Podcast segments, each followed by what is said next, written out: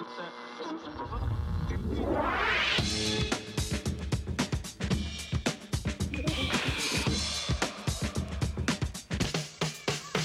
Paul. Welkom bij St. Paul's Boutique, de wekelijkse podcast vanuit Tivoli Vredenburg.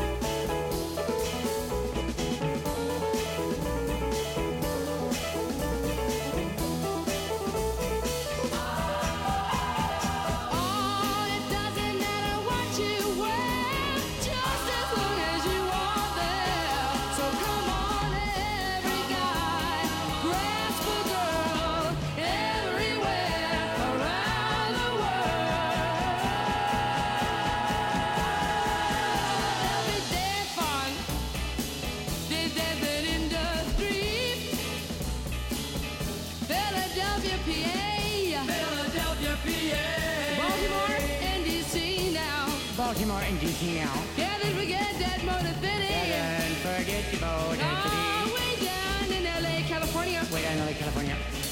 Not to mention half like Nova Scotia. Doesn't mention it, please. Well, London, you visit Lebanon, Queen, you know. Yes, I know. Manchester, Oh, Emily. Emily. Alexandria, Hey, Virginia, Virginia. Falls Church. Where's that? Wat een fantastische cover. Best of Both Worlds. Het beste van eh, Motown, waarop het origineel verscheen van Martha Reeves en de Vandellas. En het beste van de mama's en de papa's. Daar luister je naar Dancing in the Street. En dansend gaan we deze nieuwe boutique in.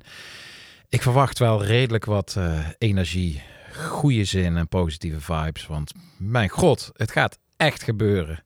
Vorige week eh, durfde ik het heel voorzichtig uit te spreken dat het misschien wel eens zou kunnen.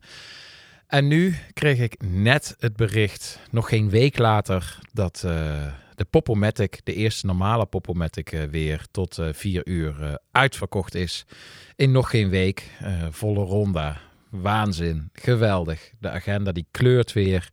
Niet alleen voor mij, voor heel veel anderen. Heel veel andere mensen in eh, de muzieksector, in de cultuursector. Poeh, geweldig. Nou nog even een wat eh, eh, realistischer, werkbaarder beleid. Dat niet voor altijd de mensen met banen binnen de muziek, binnen de cultuur geacht worden. in tegenstelling tot, zeg bijvoorbeeld, carnaval. Zich in allerlei bochten te wringen met eh, rare capaciteiten en eh, testvoorwaarden. Maar either way ben ik er hartstikke blij mee. Eh, ongegeneerd, heel veel zin. Ik ben een kanon dat gaat exploderen aanstaande zaterdag in de ronda. Wat een vooruitzicht. Eerst maar even proberen de boel bij elkaar te houden door eh, voor jullie weer radio te maken, podcast te maken hier vanuit Studio Pandora. Eh St. Paul's Boutique, de muzikale weken doornemen. Ik kom vannacht eh, gereden vanuit de Alpen, omdat het eh, normale leven enigszins gaat beginnen. Had ik me voorgenomen om me even op te laden op een snowboard. Dat is gelukt. Vannacht tien uur gereden, twee uur geslapen en vanochtend in de studio om voor jullie een podcast op te nemen. De eh, neurose die de boutique heet, die moet natuurlijk gewoon doorgaan.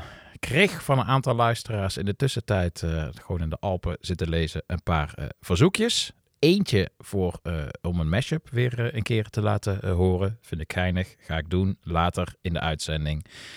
En een ander verzoekje was voor een band. En daar gaan we nu mee beginnen. Home Counties, typische postpunk band uit Engeland.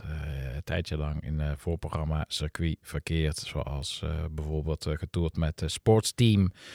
Maar is nu klaar om zelf zalen te vullen met hun paar maanden geleden verschenen nieuwe muziek. Die eh, zeer sterk is. Dus met veel plezier wil ik dit op verzoek eh, draaien van een luisteraar. Eh, back to the 70s. Niet voordat ik nog even vertel dat we uiteraard ook een albumrubriek hebben. Ook weer deze boutique. En dit keer gaan praten met journalist Malou Miedema over echo's van eh, The Rapture. Daarover later meer. We gaan ook nog even stilstaan bij de documentaire over Kanye West. Ik heb eh, ook nog wel een en ander te vertellen over eh, radio luisteren in België en Frankrijk in de auto.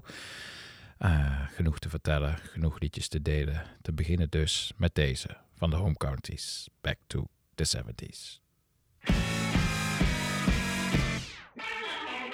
Like Shaft, without cultural significance, credits, and theme song, I command the eyes of a high street of a happier time, one that thrives both socially and commercially. At night, I sleep peacefully, falling back into the comfort of knowing my job's secure and the keys and goals of full employment.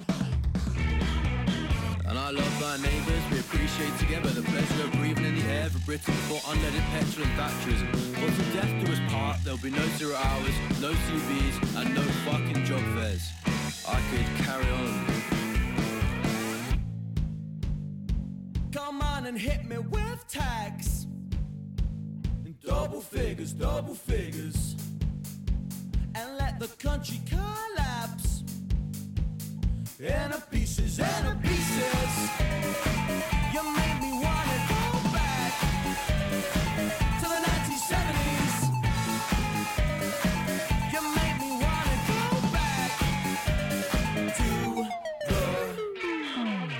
cupboard, I find spam, misogyny, and diazepam as I indulge myself in the relative inflationary costs of demand side management. For every minute I wait here, I appreciate God for the fixed interest rate loan made available to me for a credit rating that's frankly above average. And I simply cannot complain as I revel in the ease of modern life, facilitated by the raw power of a can opener and the warmth of social housing. For every day I expend my surplus labor value, I live a testimony of the human condition to love, to care, and to invest under a reasonable repayment scheme. And hit me with tax. In double figures, double figures, and let the country collapse. Into pieces, into pieces.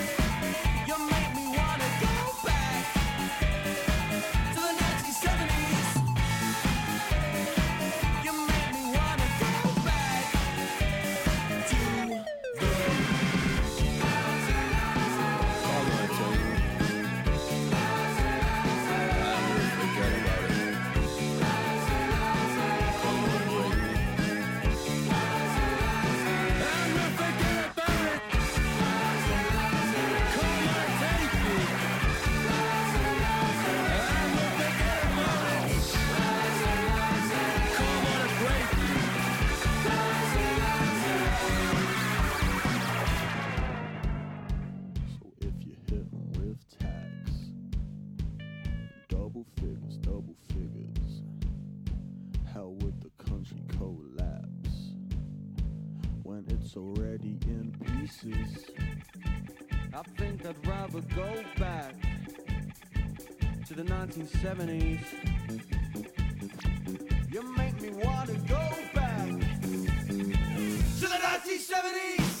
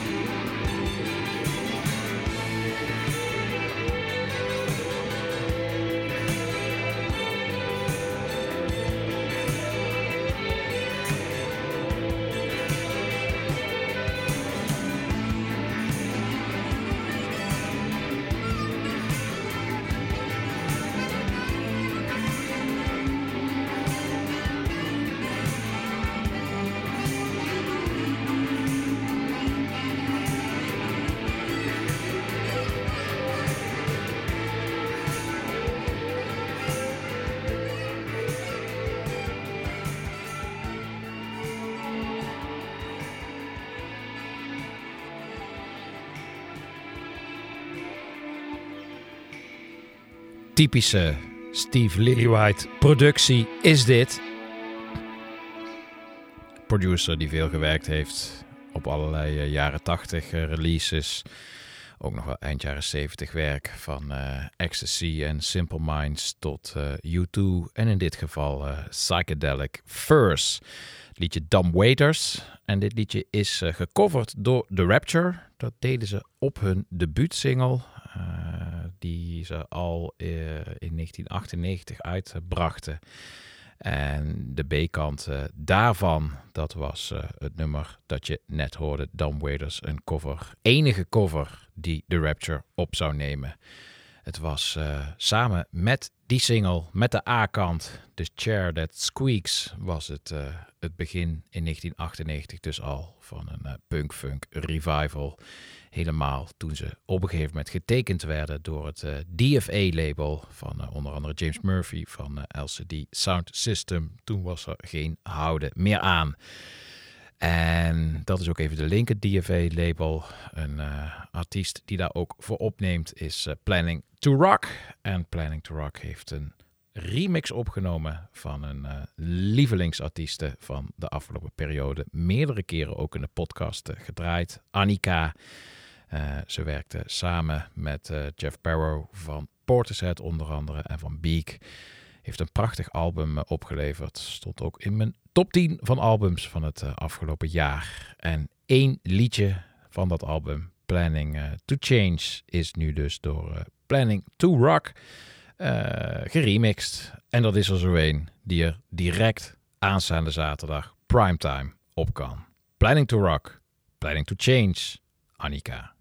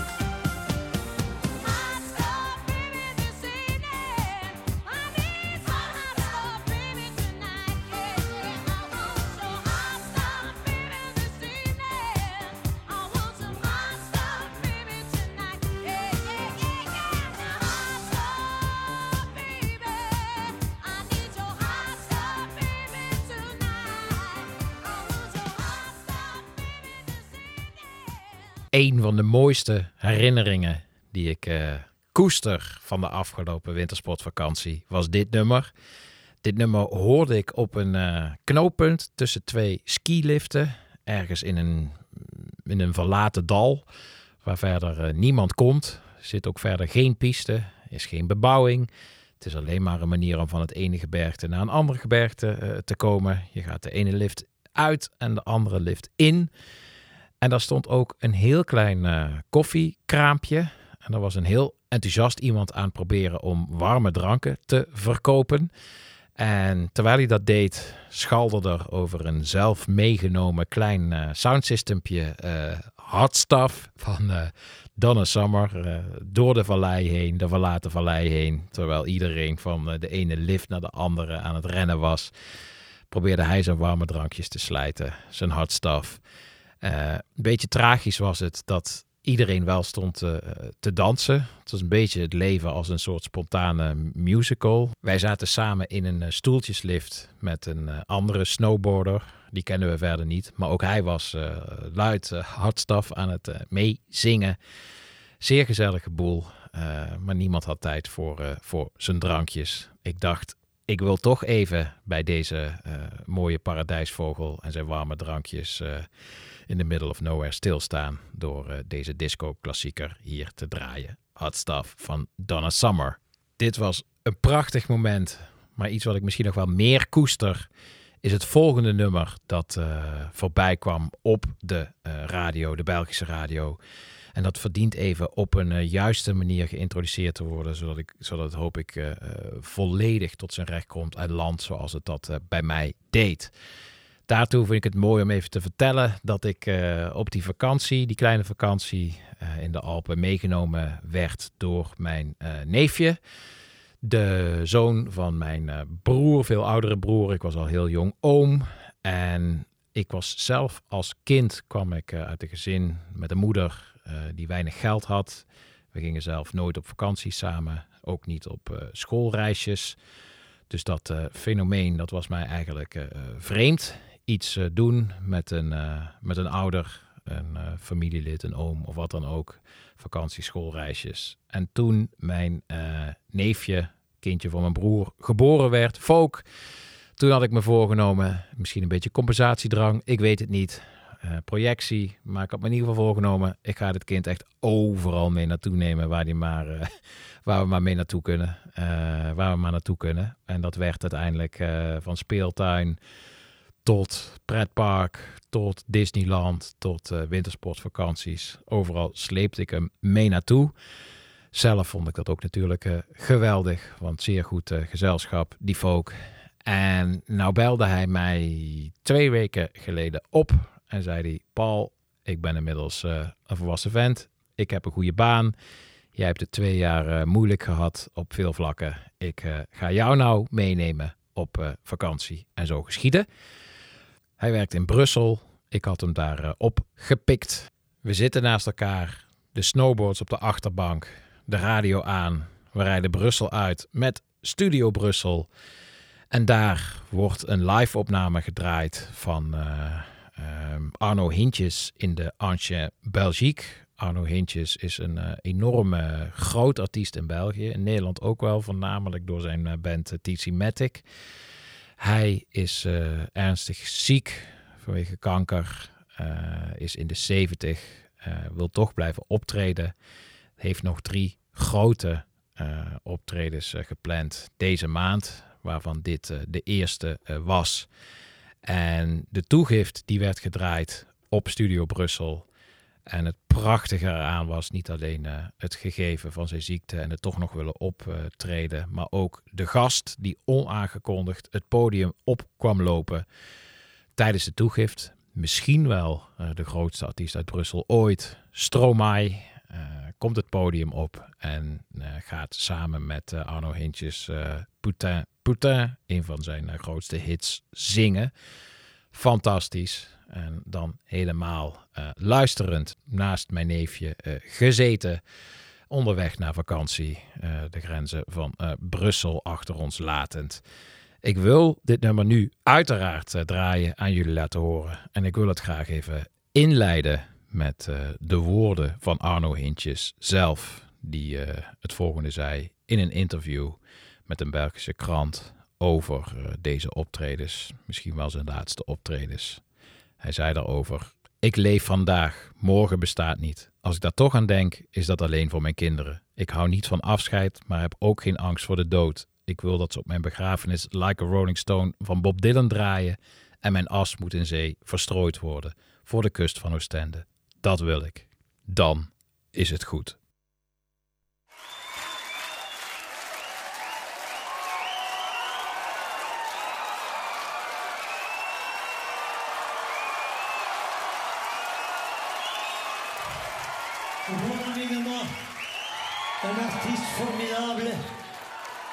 La Belgique, een goede vriend van me, een artiest Belge, België, formidable, ik ben.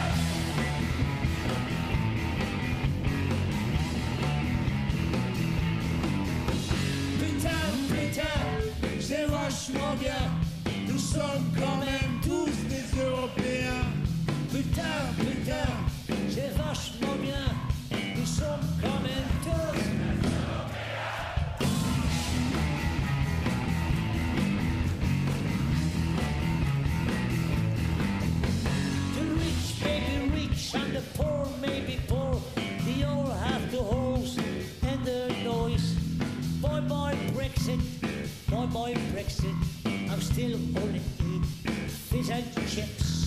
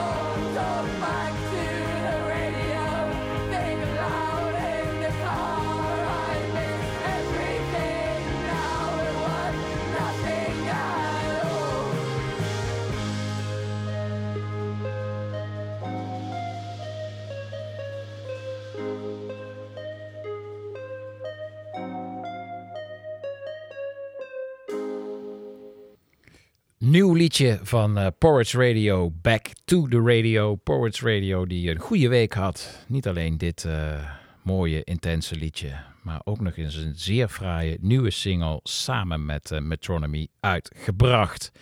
En dit is dan het moment in de boutique dat ik een luisteraar teleur moet stellen. Want ik had een, een mashup beloofd, die ik wel vaker maak voor quizzen. Soms ook hier in de boutique laat horen. Kun je een beetje meeraden. Maar mijn eh, laptop is leeg. En ik heb mijn lader niet meegenomen. Beetje een lullige reden. Maar dat krijg je als je s s'nachts doorrijdt, eh, twee uur slaapt en dan een podcast denkt te kunnen opnemen. Dus helaas kan ik die mashup niet laten horen. Moeten we die doorschuiven naar volgende week. Er zat namelijk een, een liedje in van Metronomy. Dat was dan weer de link. Moet altijd een link zijn.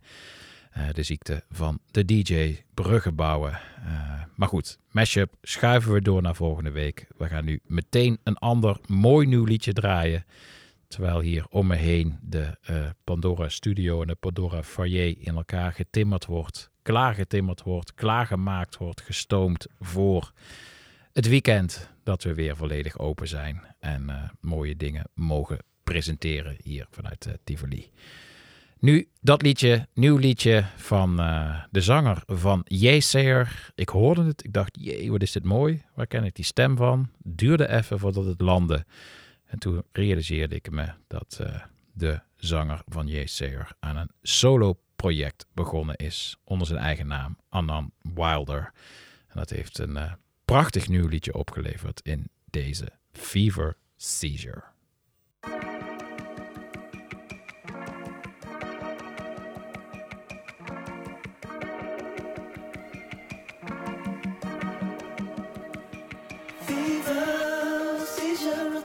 How's it going on, crying on the street? Fever seizure. the truck driver says you gotta hang up from her feet A crowd of people is gathering outside And me, I'm just not ready to say goodbye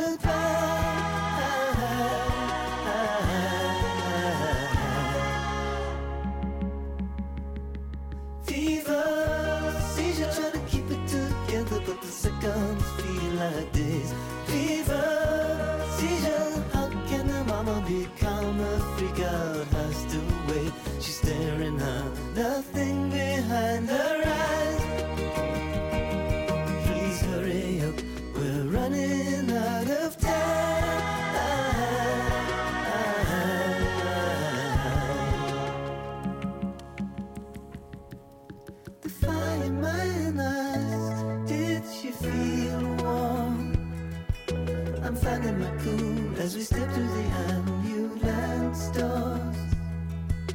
his knees hurt. one last week and they get calls twice a night. There's nothing to do and do.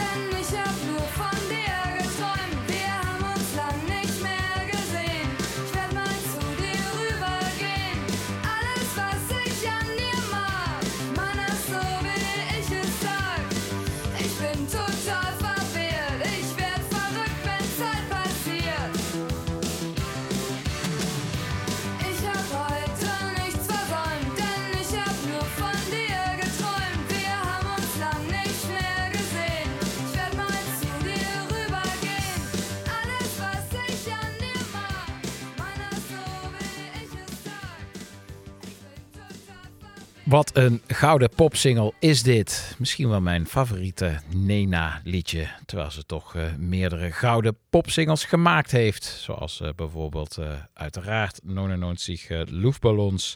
En ook haar andere, ook giga-hit. Irgendwie, irgendwo, irgendwann vind ik geweldig. Maar deze zo mogelijk nog beter. Noor geträumt moest eraan denken toen ik het uh, nieuwe liedje hoorde van, uh, van Sophie Straat. Sophie Straat had ook al zo'n geweldige popsingle met uh, Tweede Kamer. Ik denk dat bij zo'n beetje alle boekingen die ik had, die nog doorgingen het afgelopen jaar, was het in de middag, was het in de avond, was het op een vrachtwagen, terwijl het volk erachteraan liep door, de, door het centrum van Utrecht tijdens een van de demonstraties. Dit nummer, Tweede Kamer van Sophie Straat, ging er overal uh, op. Uh, klinkt als het best, de beste nummers van uh, Doe Maar. En de nieuwe single van Sophie Straat vind ik ook geweldig. Dat deed me dan weer meer denken aan Nena. De synths deden me soms wat denken aan The Stranglers. Het is heel erg poppy, heel erg catchy. Heel erg typisch Sophie Straat. Zo wordt dan wel, en dat doet ze ook zelf, de hele tijd geassocieerd met uh, smartlappen. Maar ik vind haar eigenlijk het leukst wanneer ze dit soort uh, popliedjes maakt. Vrijheid, gelijkheid, zusterschap, Sophie Straat. Van slaap op mijn troon, van koninklijk fluweel. Ik doe alles waar ik zin in heb, in mijn roze luchtkasteel. Ik mag eten, ik mag drinken, ik mag vrijen met wie ik wil. In mijn dromen ben ik Marie Antoinette. In de 21ste eeuw!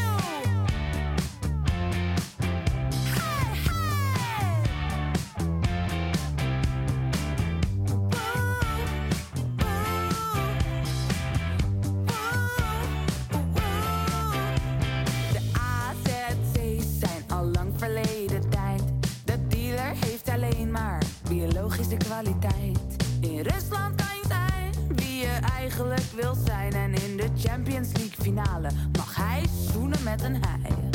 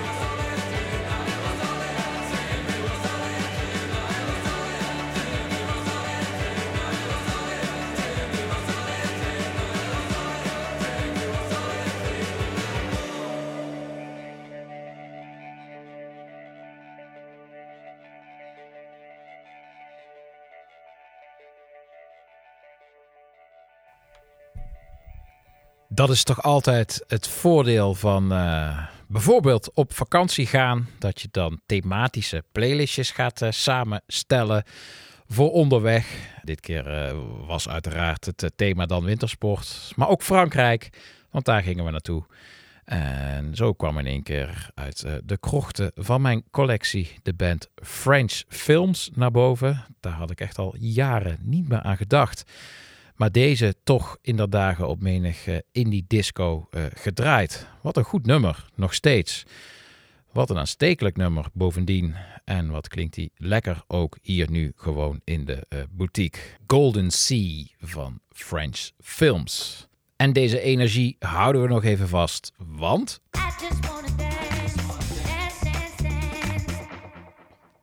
het is natuurlijk ook deze week ergens wel weer een keer tijd voor eh, de vloervuller van de week. Sterker nog, nu meer dan ooit omdat eh, eh, dit weekend eh, de dansvloeren weer volop eh, open gaan. Geen storm die het eh, tegen kan houden. Eh, dit keer heb daar eh, een nummer bij uitgezocht. Wat ik al eh, een tijd lang in de planning had staan om eh, te draaien. Eh, ook voor de dansvloer. Maar ja, dat kon elke keer maar niet. Nu kan het dus wel. Eh, ook een mooi moment om hem hier in de boutique te draaien. Het is het liedje People Let's Dance van Public Service Broadcasting. En Public Service Broadcasting komt uit eh, Londen. Heeft een eh, album gemaakt waarop ze veel samenwerken met leuke, verrassende artiesten. Zoals bijvoorbeeld Camera Obscura en Blixa Bargeld. Ik vind het een, een zeer toffe combinatie, die muziek die ze maken. Van eh, alles tussen de Pet Shop Boys en New Order. Heel erg synthpop, wavy. Maar dan eh, met een productie van nu. Goede liedjes. En met als eh, meest aanstekelijke en onvermijdelijke in deze tijd het liedje People Let's Dance. Vloervuller van de week komt deze keer van Public Service Broadcasting.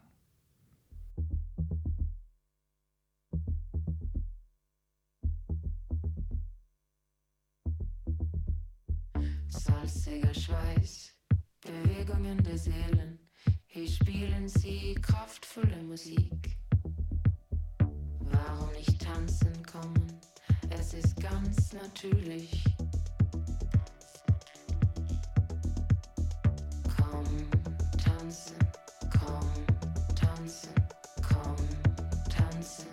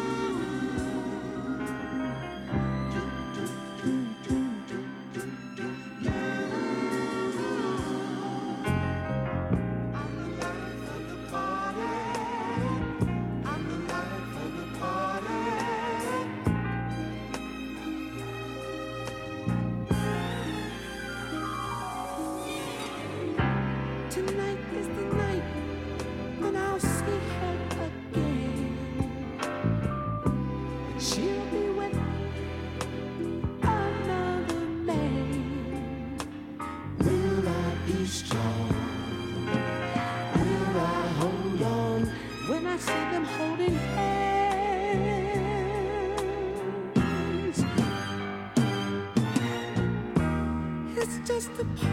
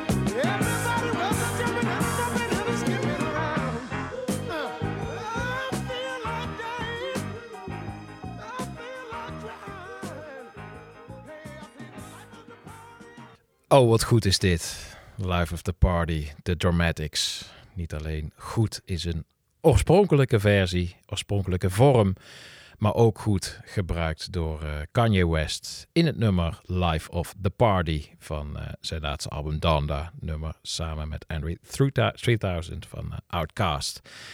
En Kanye blinkt natuurlijk zijn hele carrière al uit in het gebruik van eh, samples. Voor mij is dat ook een van de hoogtepunten in het eerste deel van de driedelige documentaire over hem die op Netflix verschenen is. Apple bood naar verluid 100 miljoen om eh, de documentaire te krijgen. Eh, Kanye West vond het belachelijk dat hij niet eens met eh, de belangrijkste mensen bij Apple eh, kon spreken over deze documentaire. Maar eh, een beetje afgescheept werd met wat medewerkers lager in de boom. Dus hij besloot naar Netflix te gaan. Ergens moet je hem toch ook wel bewonderen om dit soort fratsen. documentaire is inmiddels dus uit via Netflix, niet via Apple. Eerste deel kun je bekijken. Ja, ik weet het. Het is in veel opzichten een vervelende man geworden. Ik zou zelf, toch vooral willen zeggen een eh, ontoerekeningsvatbare eh, man wegens eh, mentale ziekte en allerlei medicijnen. Ik blijf Kanye West toch echt een ander verhaal vinden dan allerlei andere artiesten die gretig eh, gehaat worden om dingen die ze zeggen. Veelal is dat ronduit terecht. Bij Kanye West vraag ik me toch vaak af in hoeverre het eh, de ziekte is die aan het praten is of eh, de persoon zelf. Maakt het niet minder lelijk, maar eh, het morele oordeel misschien soms wat, wat zachter. In mijn geval, in ieder geval wel. Nog los van al die geweldige muziek die hij jarenlang stug is blijven maken. Elke keer weer, ook op het nieuwe album Danda, gewijd aan zijn opgedragen, aan zijn moeder. Moeder die ook een rol speelt in het eerste deel van die documentaire. Eh, je snapt heel goed waarom hij het aan haar opdraagt. Eh, ook mooi vind ik om te horen hoe hij over haar praat en hoe hij over zijn opvoeding eh, praat. Dat hij duidelijk heeft meegekregen dat hij door zijn ouders al op jonge leeftijd een brede culturele interesse gekregen heeft. Van, van kunst tot literatuur tot muziek. En dat dat ook eh, heeft gemotiveerd om dat te durven uitdragen. En ook tegen het stereotype in te gaan. Wat zeker in de tijd dat hij opkwam in de jaren negentig nog eh, zeer in zwang was. De, de gangster eh, rap. En hoe hij zich daar altijd in het begin van zijn carrière tegen verzet heeft. Vond ik mooi om te zien. Ook mooi om die samples te horen, die vroege beats die voorbij komen. En je hoort wat fragmenten van vroeg werk en producties voor anderen. Eh, vet ook om te zien hoe hij eh, van stad naar stad eh, trok. Met name New York, waar hij dan zijn muziek probeerde te slijten. En op het kantoor van Rockefeller het personeel toe-rapt. Omdat hij zo graag gehoord wil worden. En niet alleen als producer gezien, maar ook als rapper gezien wil worden. Ik vond het wel een, eh, een toffe, geslaagde eerste deel. Ik heb ook al wel weer veel eh, lelijke recensies eh, gelezen. Allemaal begrijpelijk. Het is natuurlijk wel niet van enig narcisme gespeend. Het is een vriend van hem die hem eigenlijk al jarenlang volgt. Vanaf dat hij jong is, komen allebei uit Chicago. En hij had daar zelf ook een programma via wie hij eh, Kanye West heeft leren kennen. Channel Zero heette dat programma. Uiteindelijk is hij achter de camera exclusief voor Kanye West eh, gekropen om hem jarenlang te eh, achtervolgen. En dat heeft uiteindelijk tot deze documentaire geleid. Ik heb het met plezier gekeken. Heel erg benieuwd waar dit vanuit hier naartoe gaat. Voor nu wil ik even iemand uit de Chicago scene draaien. Eh, deed mij toch ook heel veel eh, namen die voorbij komen. Eh, producers zoals bijvoorbeeld No ID. No ID die dan weer de mentor is van Kanye West en ook de mentor van eh, J. Cole. Maar ook de naam van Carmen valt regelmatig. Daar ontkom je niet aan als je de jaren 90 hip-hop scene van Chicago omschrijft. Wil even een nummer gaan draaien van, eh, van Carmen, wat eh, geproduceerd is door No ID, de mentor van eh, Kanye West. En een nummer dat met een prachtige metafoor de ontwikkeling van hip-hop beschrijft tot midden jaren 90. Vroeger Carmen, toen heette hij nog Carmen Sense, met de absolute klassieker I Used to Love Her. En daarna traditiegetrouw weer de albumrubriek. Dit keer Malou Miedema te gast over Echoes van The Rapture.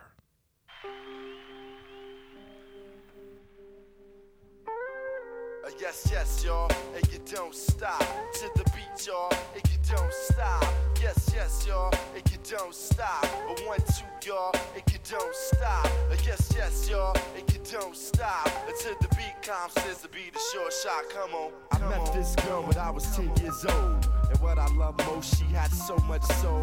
She was old school, and I was just a shorty, never knew. Throughout my life, she would be there for me on a regular. Not a church girl, she was secular. Not about the money, those stuff was my checker, but I respected her. She hit me in the heart. A few New York niggas had did her in the park. But she was there for me, and I was there for her. Pull out a chair for her, turn on the air for her, and just cool out. Cool out and listen to her. Sitting on bone, wishing that I could do eventually. If it was meant to be, then it would be cause we related physically and mentally. And she was fun then. I'd be geeked when she come around. Slim was fresh, Joe, when she was underground, original, pure, untapped, but a down sister. Boy, I tell you, I miss her. Uh, yes, yes, y'all, and you don't stop. To the beat, y'all, and you don't stop. Uh, yes, yes, y'all, and you don't stop. Uh, one, two, y'all, and you don't stop. Uh, yes, yes, y'all, don't stop. Calm sense, y'all, if you don't stop. Uh, yes, yes, y'all, and you don't stop. You act, yo, we gotta be the short shot. That periodically I would see old girl at the club sit at the house party. She didn't have a body, but she started getting thick quick. Did a couple of videos and became Afrocentric. Out goes the weave, in goes the braids, beads, medallion. She was on that tip about stopping the violence, about my people she was teaching me. By not preaching to me, but speaking to me in a method that was leisurely, so easily I approach. She dug my rap, that's how we got close. But then she broke to the west coast, and I was cool, cause around the same time I went away to school and I'm a man dub expanded. So why should I stand in her way? She probably get her money in LA, and she did stud, she got big pub, but what was foul? She said that the pro black was going out of style. She said Afrocentricity was of the past. She got into R&B, hip hop, space, and jazz. Now black music is black music, and it's all good. I wasn't salty, she was with the boys in the hood, cause I was new for her. She was becoming well rounded. I thought it was dope how she was on that freestyle shit, just having fun. Not worried about anyone, and you can tell by how her titties hung. Uh, yes, yes, y'all, and you don't stop to the beat, y'all, and you don't stop. Uh, yes, yes, y'all, and you don't stop. One, two, y'all, and you don't stop. Uh, yes, yes, y'all, and you don't stop. Until the beat calm, gotta be the short shot. Uh, yes, yes, y'all, and you don't stop. Check it on, check it. Mm-mm, I might have failed to mention that this chick was creative. Once the man got to her, he altered her native. Told her if she got an image and a gimmick, then she can make money. And she did it like a dummy. Now I see her in commercials. She's universal. She used to only swing it with the inner city circle. Now she be in the burbs looking rockin', dressing hippie. And on some dumb shit when she comes to the city, talking about popping glocks, serving rocks, and hitting switches.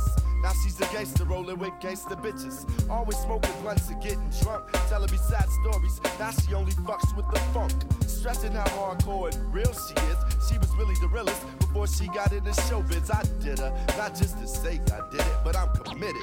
but so many niggas hit it that she's just not the same. Letting all these goofies do her. I see niggas slamming her and taking her to the sewer. But I'ma take her back, hoping that this shit stop. Cause who I'm talking about, y'all, is hip hop. Hip hop, To the beat, y'all, and you don't stop. Uh, yes, yes, y'all, and you don't stop. The mainframe, yo, they gotta be the short shot. Uh, yes, yes, y'all, and you don't stop. To the beat, y'all, and you don't stop. Uh, yes, yes, y'all, and you don't stop. A one, two, calm sisters go to drop. Ha ha, ha ha, ha ha. Uh, uh, I used to love her, uh, uh, uh, uh. I used to love her, uh, uh, uh, uh. I used to love her, uh, uh, uh. I used to love her, uh, uh, uh, uh. I used to love her, uh, uh, uh, uh. I used to love her, quit fucking up the shit, y'all, but. You ain't got your woman in check, man? I, I think you overstepping your bounds just a little bit. I can't do this anymore. I can't do this anymore. Oh my god. ik blij- blijf het zo gek vinden om mijn eigen stem zo over zo'n microfoon te horen. Ik Ja. vind het echt heel raar. Ik kan er ook nog steeds niet aan wennen, maar eh, ja, Nee, ook nog steeds niet helemaal aan wennen. Maar volgens vrienden van me heb ik inmiddels wel een, eh, een podcaststem gekregen. Een podcaststem, ja. Ja, ik heb dat dus de afgelopen dagen, want for some reason heb ik opeens een soort eruptie. Nou, dat valt ook wel mee, maar ik heb nu ondertussen dan, sinds dat ik hier zat, heb ik twee keer bij de machine gezeten. En nu krijg ik vaak berichtjes van mensen van, oh ja, je hebt echt een fijne podcaststem. En dan denk ik echt zo, oh, sick. dit is het begin van een podcastcarrière. Nou, laat dat nou een perfect moment zijn om eh, de draad van de albumrubriek eh, op te pikken. Eh Malou Miedema, journalist, eh 3 voor 12, muziekjournalist, was al een keer eerder te gast hier in Studio Pandora bij de St. Paul's Boutique in de albumrubriek om te praten over Nine Inch Nails.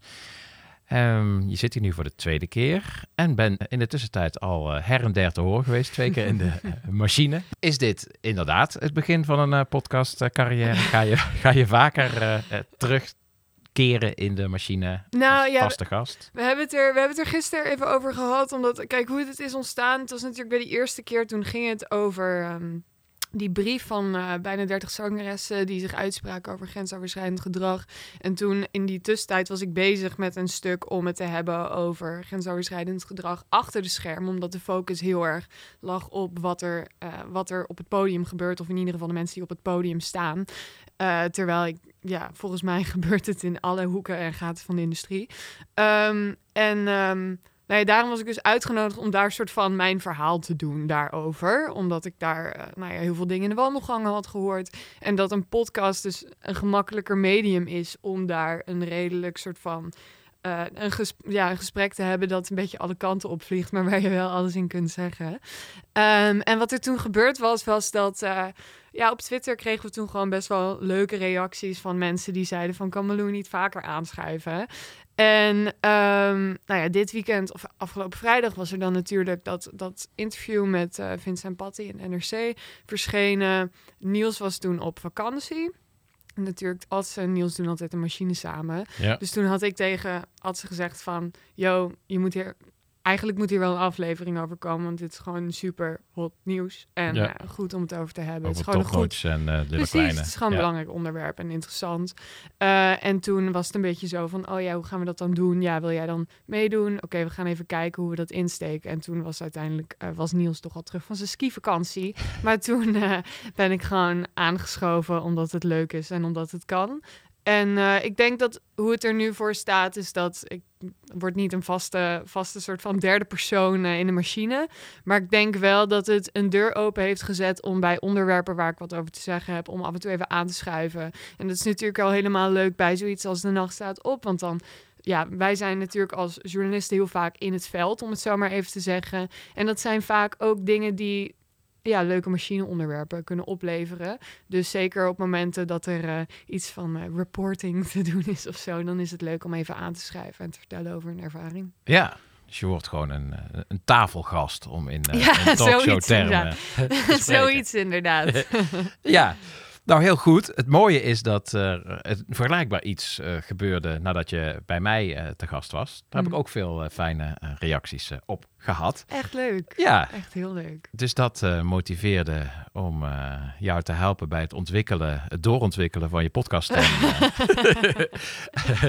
om je terug te vragen. Ehm, en dan moeten we dan nu ook maar gelijk. En dat is meteen ook al bevestigd van mij ook al de reden waarom het eh, goed was, goede keuze was. Is dat de plaat waarmee je kwam, dat is voor mij ook echt een, een onuit, heeft een onuitwisbare indruk gemaakt. Mhm. En het krijgt niet altijd de credits die het verdient. Eh, we gaan het hebben over Echoes van eh, The Rapture. Ja. En jij mag nog niks zeggen, want je weet inmiddels dat er een, een vaste vraag eh, gekoppeld is. Een eerste vraag die altijd bij elk album gesteld wordt. Naar aanleiding van een songtitel van Pulp. eh, Do you remember the first time, Malou? Ja, nee, dat, dat weet ik dus wel. Bij deze weet ik dat wel redelijk soort van specifiek.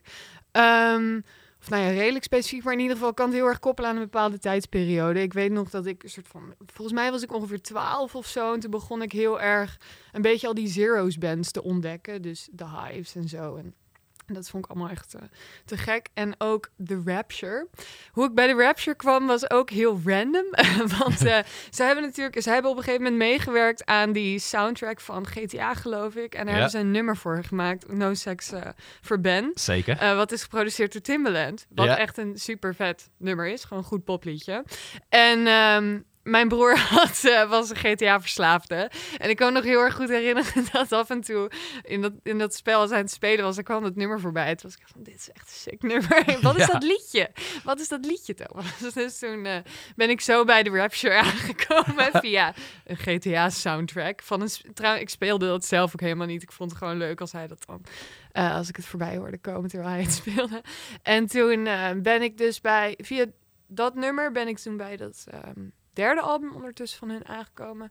Ehm, en dat is natuurlijk, ja, dat is een veel poppier album. Dat is de opvolger van Echoes. En eh, voor mijn twaalfjarige brein was dat iets gemakkelijker te behapstukken nog. Ik kan me namelijk nog best wel goed herinneren dat ik in die periode wel Echoes best wel een paar keer heb opgezet. Maar dat ik het ergens ook moeilijker vond. Omdat het natuurlijk, het is gewoon minder soort van gelikt of zo. En het is, het is allemaal wat rauwer. En er zaten wel een paar liedjes op waarvan ik dacht, oh ja, dit is best wel cool of zo. Maar dat het ook wel, ja, het was gewoon te rauw misschien voor wat ik op dat moment cool vond. En ehm, ja, toen, ik denk dat een paar jaar later of zo, toen dook ik helemaal in die DFV-tijd. en toen heb ik het herontdekt. En toen was ik echt van, wow, dit is echt een sikke band. Ja, want dat is wat heel veel mensen eh, onderschatten a- als je het over eh, de Rapture eh, hebt. LCD Sound System heeft natuurlijk, eh, je noemde het DFA-label al, het eh, aan LCD Sound System gekoppelde label. Die hebben natuurlijk dat eh, idioom van punk, funk, eh, maar een beetje lelijke woorden, maar Mhm. eh, in ieder geval dance punk, hoe het ook allemaal heette. Eh, zij hebben die, die, die crossover van, van, van punk en elektronische muziek, zij hebben dat helemaal overgenomen. Maar Ja. de Rapture was er eerder dan, Ja. dan LC Sound System. En zij waren ook echt beïnvloed door de Rapture. Dus- Ja, ja het is grappig. Ja, een soort van hoe ik, er, ehm, hoe ik erover gelezen heb, is dat ook heel erg is dat die band eigenlijk, nou ja, dat DFA, dat was soort van eigenlijk een soort van parallel met de Rapture, is dat een beetje ontstaan. Volgens mij hadden ze wel dan een single van eh The One, um, One McLean. Maar Ja. verder dat er eigenlijk, ja, dit, dit, dit is een van de eerste dingen die is uitgekomen, is natuurlijk van die eerste single van de Rapture. Ja, House of Jealous Ja, Lovers. Ja. Precies, en dat maakt natuurlijk zo'n soort van gigantische smak in Ja. die scene. Dat het opeens zo was van, oh mijn god, er is een nieuw geluid. De terugkeer van punkfunk of whatever. en ehm, dat het soort van, dat die hele, ja, dat die band echt als een soort bom insloeg in die scene daar van, oh mijn god, dit is de crossover, dit is de nieuwe hype of zo. En wat ook wel grappig daarin is, van ik heb ook wel best wel wat interviews teruggelezen en dan ook vooral over de impact van eh, House of Jealous Lovers. Wat ze er ook heel erg over zeggen is dat, eh, want op een gegeven moment dat album, dat is natuurlijk soort van uitgekomen in 2003 en het is allemaal heel erg snel gegaan omdat er zo'n hype omheen zat om die sound. En eh, volgens mij waren ja, bij labels, bij majors, waren ze gewoon allemaal op zoek naar de nieuwe strokes of whatever. Dus ze zaten echt te kijken van, oké, welke indie band heeft dat soort crossover potential? Ehm, en eh, dat, ja, I guess dat de Rapture toen een soort van is opgepikt als zo, dit is de nieuwe sound, eh, nieuwe sound die er moet gaan komen. En dat blijkbaar James Murphy ook heel erg, ja, toch wel heel erg boos was over het feit dat na dat album dat de Rapture is overgestapt naar Major. En dat eh eh, Tim Goldworthy, met wie James Murphy dan natuurlijk een soort van DFA runde. eh, dat hij, dat hij, ja, Tim Goldsworthy heeft daar ook over gezegd later van, ja, J- ja, James was gewoon eigenlijk zo boos over dat de Rapture is weggegaan, dat hij toen maar dacht uit soort woede van, nou, dan begin ik wel een band en ik ga het ook allemaal beter doen dan hun of zo. En dat vond ik heel erg grappig eigenlijk. En volgens mij ook heel erg indicatief voor alles wat er om DFA heen is gebeurd. Want dat label is volgens mij echt achter de schermen een totale shitshow geweest. Ja. Ja. Ja. ja, prachtig. Ik wist niet dat dit zo direct de aanleiding was, maar ik kan het me inderdaad helemaal voorstellen. Eh, en het is dan toch ook geweldig hoe het elkaar dan, eh, net alsof het een beetje in de lucht hangt of zo, om even met Plato te spreken, alsof de ideeën uit de lucht geplukt worden die er gewoon hingen. Maar dat ze op eenzelfde moment met vergelijkbare dingen bezig zijn en Mhm. elkaar wederzijds zo eh, beïnvloeden. Ja. Ik las ook dat Luke Jenner, de, de Ja. zanger van The Rapture, dat die, hij had House of Jealous Lovers geschreven. Ja. Was net in contact gekomen met het DFA-label. En hij hoorde dus de, de eindmix van DFA eh, terug. Ja.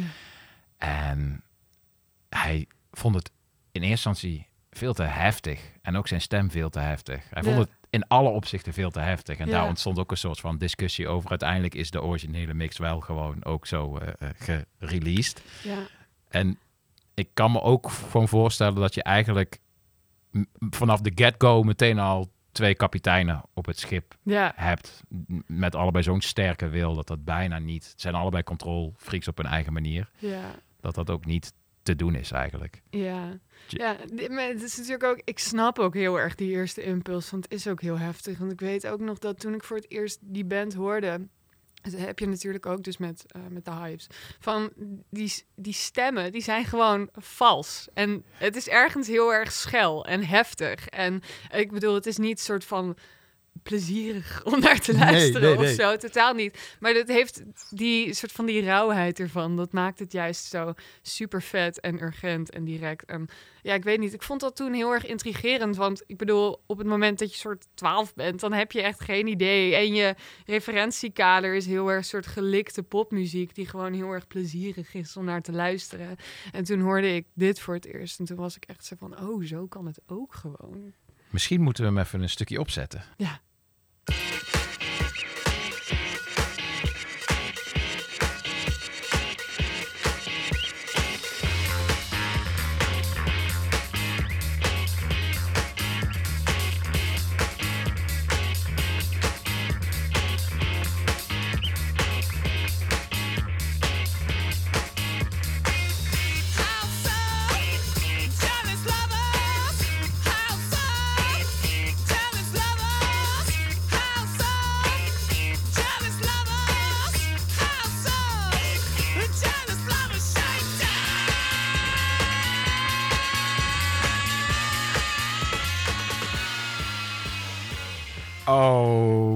God. Dit is zo geweldig. Echt een tune. En ook, ja, ik heb hierbij gewoon... Dit was wel echt het moment dat ik me besefte hoe vet een koelbel is.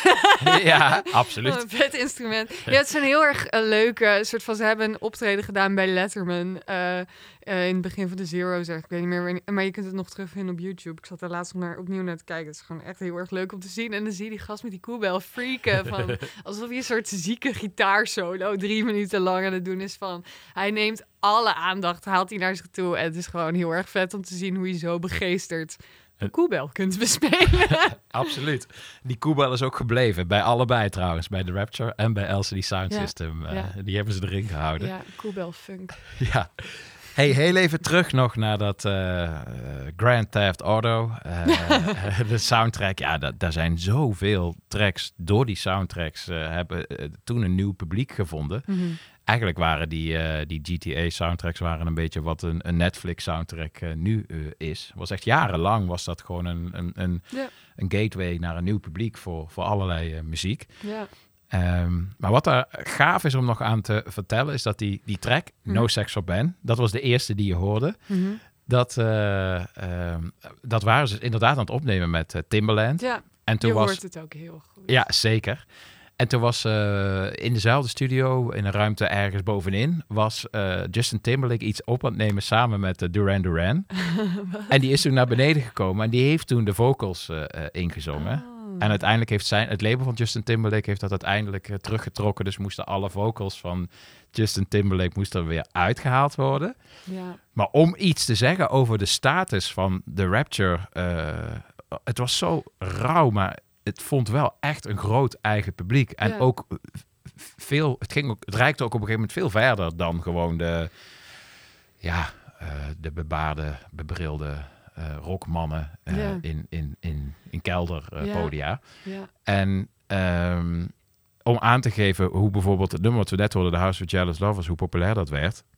Het was tijdens de, hoe heet die ook alweer? Future Love Sex Tour van Eh, Justin Timberlake was Mhm. het de openingstune. Ah. Hij kwam daarmee het podium op. Oh, dat vind ik toch ook wel Justin Timberlake op de piek van zijn populariteit die opkomt met eh, House of. Jealous Lovers van The Rapture. Dat is sick. Ja, ja. Dat is ook een soort van ander tijdperk voor indie of zo, toch? Van- Ja. Ja, dat is echt eh, wel... I guess, ja, wat we net zeiden over de Strokes, van gewoon dat soort van veel meer mainstream... Ja, ik- Ja. dat wat rauwere gitaarmuziek misschien wat meer mainstream was of zo. En nu is het... Ik bedoel, indie is, heeft dezelfde impact, maar het is een heel andere soort indie. Ja, het is totaal, in, Ja. in alles is het eh, heel erg Ja. veranderd. Ja, het is wel grappig, want ik heb ook...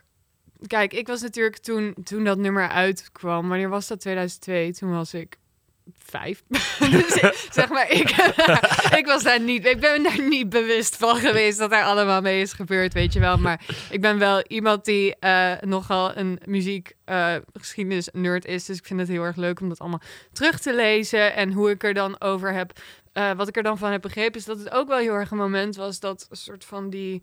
Ja, gitaarmuziekwereld en de dancewereld wel echt twee hele aparte blokken waren. En dat het ook wel een ding was dat heel erg die blokken weer bij elkaar bracht. En er ook voor zorgde dat de Rock Kids bij de shows weer gewoon begonnen met dansen. En dat het niet meer zo'n serieuze bedoeling was van... Weet je wel, naar iemands voeten kijken. Zeker. en eh, stilstaan. Maar gewoon dat je inderdaad kunt dansen op gitaarmuziek. En dat vind ik ook wel grappig, omdat het ook wel heel erg een duidelijk linkje is met waar die muziek natuurlijk heel erg door is geïnspireerd. Want dat is natuurlijk ook zo bij het LCD Sound System. Dat zij luisterden heel erg naar die sound die aan het eind van de jaren 70, begin jaren 80 heel erg opkwam in New York. Weet je wel, die no-wave scene. Met bands als Liquid Liquid en Mars en nou ja, en die band van Lydia Lunch, eh, hoe heet die ook weer? Teenage Jesus. En dat soort dingen allemaal. En dat is ook wel ja, heel erg grappig om te benoemen, want dat is ook als je dat terugluistert, dan snap je heel erg goed eigenlijk waar de rapture vandaan komt. Van die rauwigheid en zo. En een soort van de funk die erin zit. Je snapt die referenties heel erg goed. Alleen dus dit is wel echt veel meer... eh, echt goede popliedjes. Ja. Maar dat was nou niet per se het doel volgens mij bij die no-wave scene. Het was wat meer compromis, eh, compromisloos of zo. Hoe spreek je dat woord uit? Compromisloos? Eh compromisloos, denk ja. ik. Ja. Ja, anyway. En, ehm, ja, en dat is denk ik ook soort van... Dat is wel het coole eraan. Want als je dat ook... mm, als je over nadenkt van... Dat was volgens mij ook een tijd dat zeg maar die punk scene... was heel erg iets apart van die dance scene die, die toen speelde. Maar je had natuurlijk ook een hele grote soort van opkomende disco scene in New York. En die dancewereld, dat was heel erg aan het opbloeien op dat moment. En aan de andere kant had je dan echt die, die punkzalen waar dat heel erg speelde. Maar je had volgens mij wel redelijk een, een, een scheiding daartussen zitten. En dat No Wave bracht heel erg ja, die twee werelden samen. Van ook als je kijkt naar bijvoorbeeld een... Ja, dat is dan een beetje, een beetje een deep dive of zo. Maar bijvoorbeeld wat ik echt een hele vette band vind uit die tijd... is dan James Chance en de eh, Contortions. Ja. En ehm, dat was ook wel een hele duidelijke poging om soort van... ja, ehm, James Brown funk, zeg maar, mee te nemen naar die soort punkwereld. En dat, ja, dat is denk ik ook wel heel erg waar deze sound heel erg op is geïnspireerd. En eh, Ja. het is gewoon heel erg grappig om dat naast elkaar te leggen. Omdat ondertussen voelt het ook wel een beetje... Ik bedoel, ik sprak laatst een band, eh, Yard Act. Je waarschijnlijk ook wel Ja. een hele leuke Britse postpunk band. Goed statement gemaakt ook onlangs Zeker, overigens. Over ja. eh, gesproken waar jij het over had aan Ja. het begin. Van waar je bij de machine voor zat. Over, eh, grensoverschrijdend gedrag en hoe je daar weet je wel mee omgaat als band. En dat zij heel duidelijk een, een statement hebben gemaakt op social media van oh, we hebben laatst gehoord dat er een fan bij ons onprettig is. Nou, Ja. Bejegend tijdens een show en we willen nu gewoon een statement maken dat het niet kan. Anyway, terug naar Yard Act. Ik had laatst een interview met hun en toen hadden we het ook over hun inspiraties. En zij worden heel erg vaak in die soort lijn van Britse postpunk bands gezet. Weet je wel, Gang of Four en eh, The Fall en zo. Ehm, terwijl je ook wel heel erg duidelijk hoort dat er ook een heel erg duidelijk, ja, een soort no-wave component in zit. En toen had ik daar gewoon naar gevraagd en toen kwamen ze zelf met, weet je wel, al die soort van no-wave eh, compilaties die er laatst zijn uitgekomen. En ook in dat, op, dat moment, omdat je natuurlijk toen ook zo No, New York No, hoe heet die ook alweer? Die van Brian Eno. Heb je zo'n compilatie met soort van alle bekende no-wave Ja, ik- bands uit die ik, periode? volgens mij heb ik heb een compilatie die heet gewoon No Wave. Volgens mij op eh, Soul Jazz uitgebracht. Ik weet niet welke, of dit, wat de link met Brian Eno is, weet ik even niet. Nou, maakt ook niet uit. We gaan er nu veel te diep op in. Maar in ieder geval, dat zij daarmee kwamen en dat ik toen dacht van... oh, ik zou het zo leuk vinden als er nu een soort revival van de revival komt. Dat die hele soort van DFA-sound, LCD, de Rapture sound nu terugkomt. Wat natuurlijk eigenlijk een soort van een revival is van iets wat twintig jaar daarvoor eh, gebeurde. Ja. En eh, ja, het is gewoon cool om te zien dat popmuziek altijd zo in van die Ja, ja, gaat. Helemaal geweldig. En wat je zegt, eh, zo heb ik het ook helemaal beleefd. Die combinatie van eh, dat, dat, wat ik altijd al mijn mantra is geweest, ook als, als DJ. Dus daarom vond ik het heel vet om dat te zien. Dat het een hele weirde manier is, wat trouwens vaak ook vooral journalisten doen, is omdat eh, alsof er een soort scheiding zou zijn. Als je Mhm. naar eh, gitaren luistert, kun je niet eh, van elektronische muziek houden en vice versa. Het slaat natuurlijk helemaal nergens op. Nee. En het kwam daar echt op een geniale manier in, in samen. En Ja. ook, waar je helemaal aan het begin van je verhaal mee begon, ook inderdaad dat dansen. Ehm, ik las de review van Pitchfork terug. Mhm. En zij schreven, dat vond ik echt heel mooi omschreven. Ze gaven het album 9 en ze zeiden dat het, eh, dat het de eerste keer was dat dus ook in, in New York eh, en in de clubs waar ze waren, dat mensen ongegeneerd genoten en Mhm. gewoon ook uit hun dak gingen. Terwijl er ook, eh, er gebeurt van alles. Het heeft een punky attitude, het is uitgesproken, het zit geniaal aan elkaar. Maar je mocht ook gewoon Ja. het naar je zin hebben. Ja, want het is En- ook gewoon gezellig en Ja, leuk. ja. wow. Zij zeiden dat- Wat een revolutie. Precies, ja. In de jaren negentig waren, eh, eh, was, eh, eh, aan de ene kant had je dan de grunge, en dat was dan zo over zelf serieus. Ja. En aan de andere kant had je de slackers, en die waren dan juist ironisch cool. En dat allebei weer hield je er eigenlijk van om gewoon, hé, hey, er mag ook genoten te Ja. worden. We zitten hier, staan hier bij elkaar iets geweldigs mee te maken. Ja, En, precies. ja. Ja. Ja. Ja, en dat is natuurlijk van... ehm, dat, dat heb je natuurlijk bij iedere scene. Van op een gegeven moment komt er zo'n soort van... Ja, coole... I don't know, een soort van pretentieusheid eroverheen. Van je mag absoluut niet laten zien dat je het eigenlijk. Dat je eigenlijk een soort van kinderlijk plezier hebt of zo.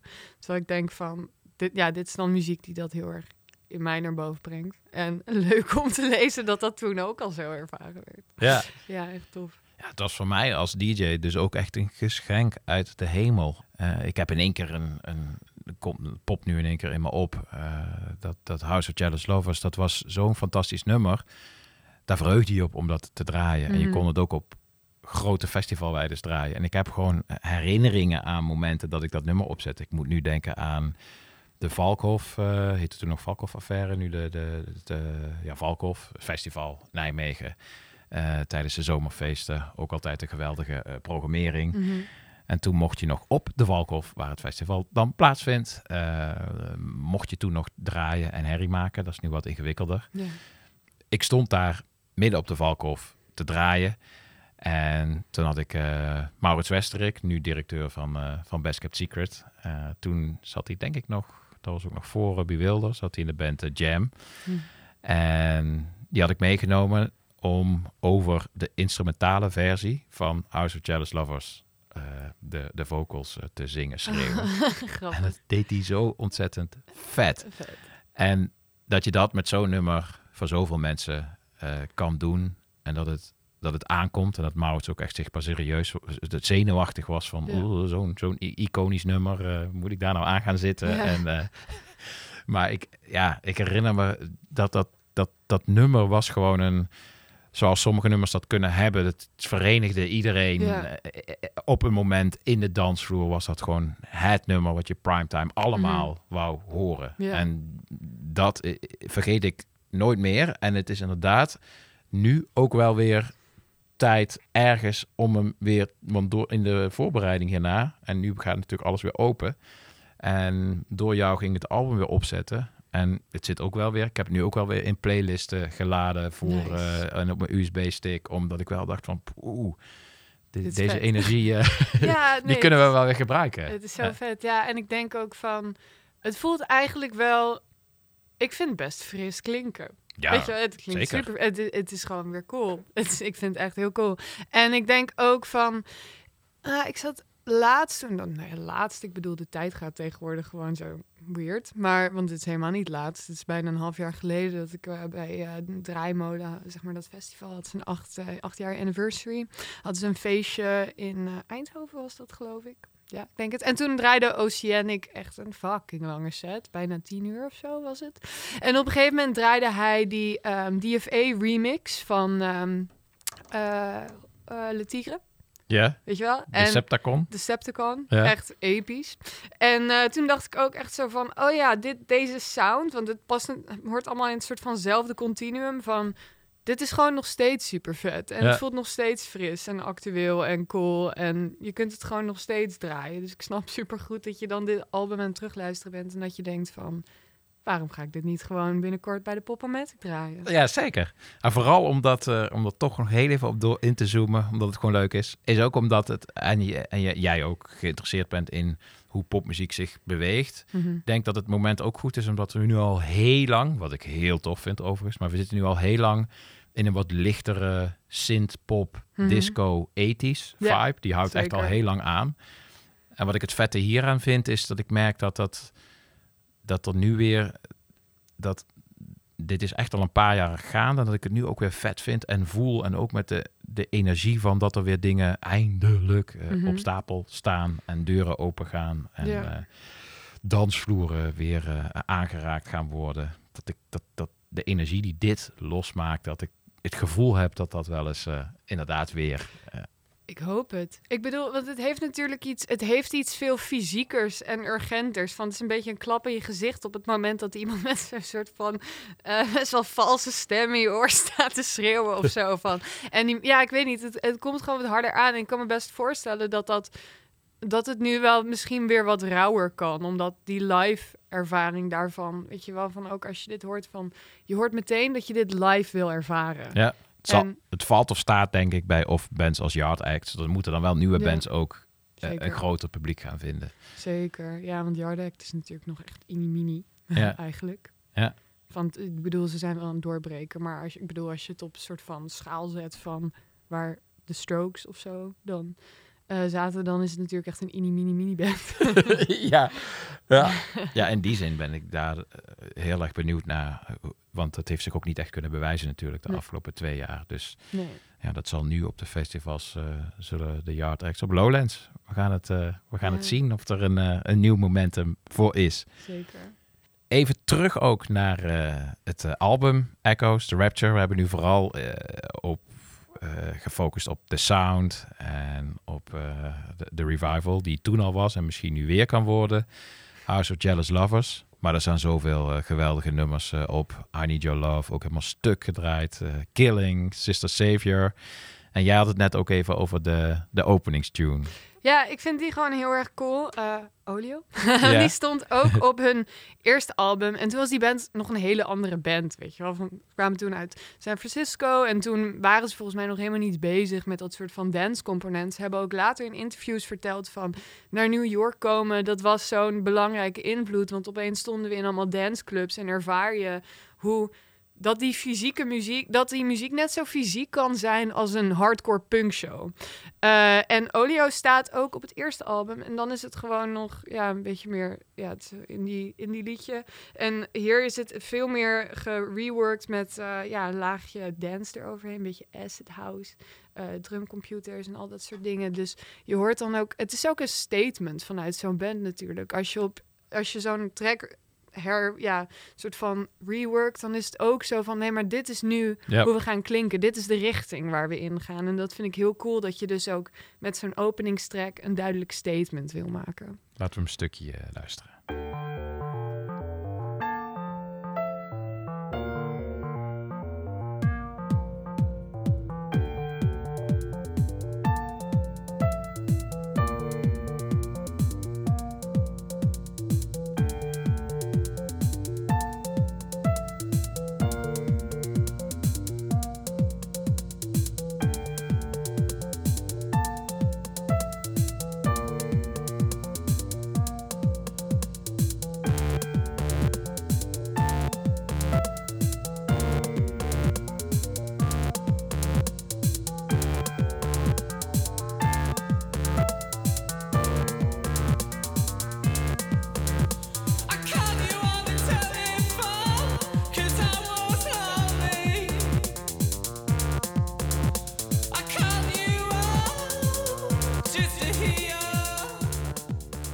Zo ontzettend Robert Smith ook van The Cure. Ja, dit. Die manier van erg. zingen. Oh, dat Ja. is echt geweldig. Echt vet.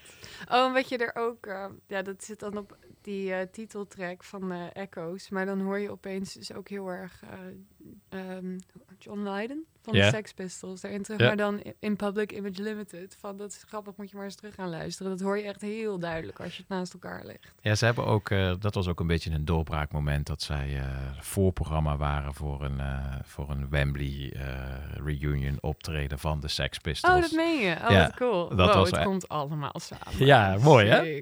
Ja. ja, want dat vind ik, wil ik toch nog wel even benadrukken. Dat was zo gaaf aan, aan, aan hun en daarom vind ik het ook zo'n gave keuze. Het is een beetje weggezakt en je hebt het Ja. de afgelopen jaren niet veel meer gehoord. Maar eh, labels vochten om hun aandacht na Mhm. dus eh, dit album bij, eh, bij DFA. Uiteindelijk ging het naar Universal. Ze werkten samen met producers als, als Danger Mouse en Paul Epworth. Paul Epworth die de hits van Block Party heeft Mhm. geschreven en ook voor Adele, Rolling in the Deep.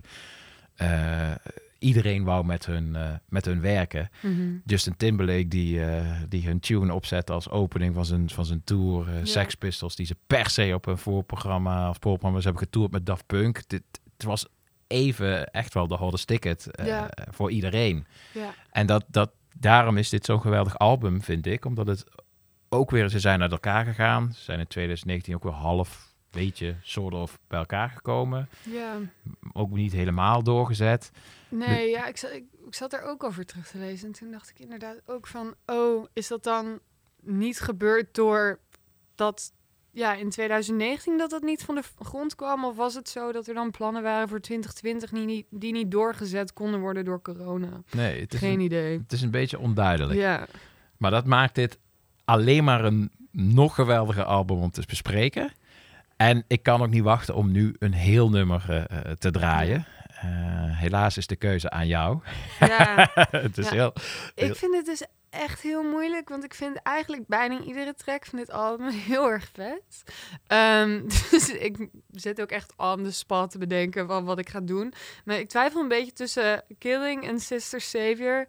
Maar ik ga denk ik toch voor Sister Savior, want die heb ik de afgelopen dagen echt non- non-stop zitten draaien. Dus laten we daar gewoon voor gaan. Echt een vet nummer. Ja, geweldig. Nou, super bedankt Ja. weer. Ja. Voor ook eh, je, je, je terugkeren hier. Hopelijk ben je hier ook een, eh, een tafelgast eh, vanaf nu. Heel graag. ja. Echt leuk. Superleuk ook. En ja, heel erg blij met je albumkeuze. Dat heb ik nu al 600 keer gezegd. dus moeten we nou maar een track gaan draaien ook. eh. Dankjewel Malou. En nou ja, luisteraar, volg Malou Minima op de socials. Wat ze schrijft voor, voor 3 voor 12. Eh, hopelijk eh, ook eh, snel weer hier te gast. Ehm, wel thuis. Dankjewel. En de slottrack is Sister Savior, The Rapture. En uiteraard weer bedankt voor het luisteren naar St. Paul's Boutique vanuit Tivoli Vredenburg.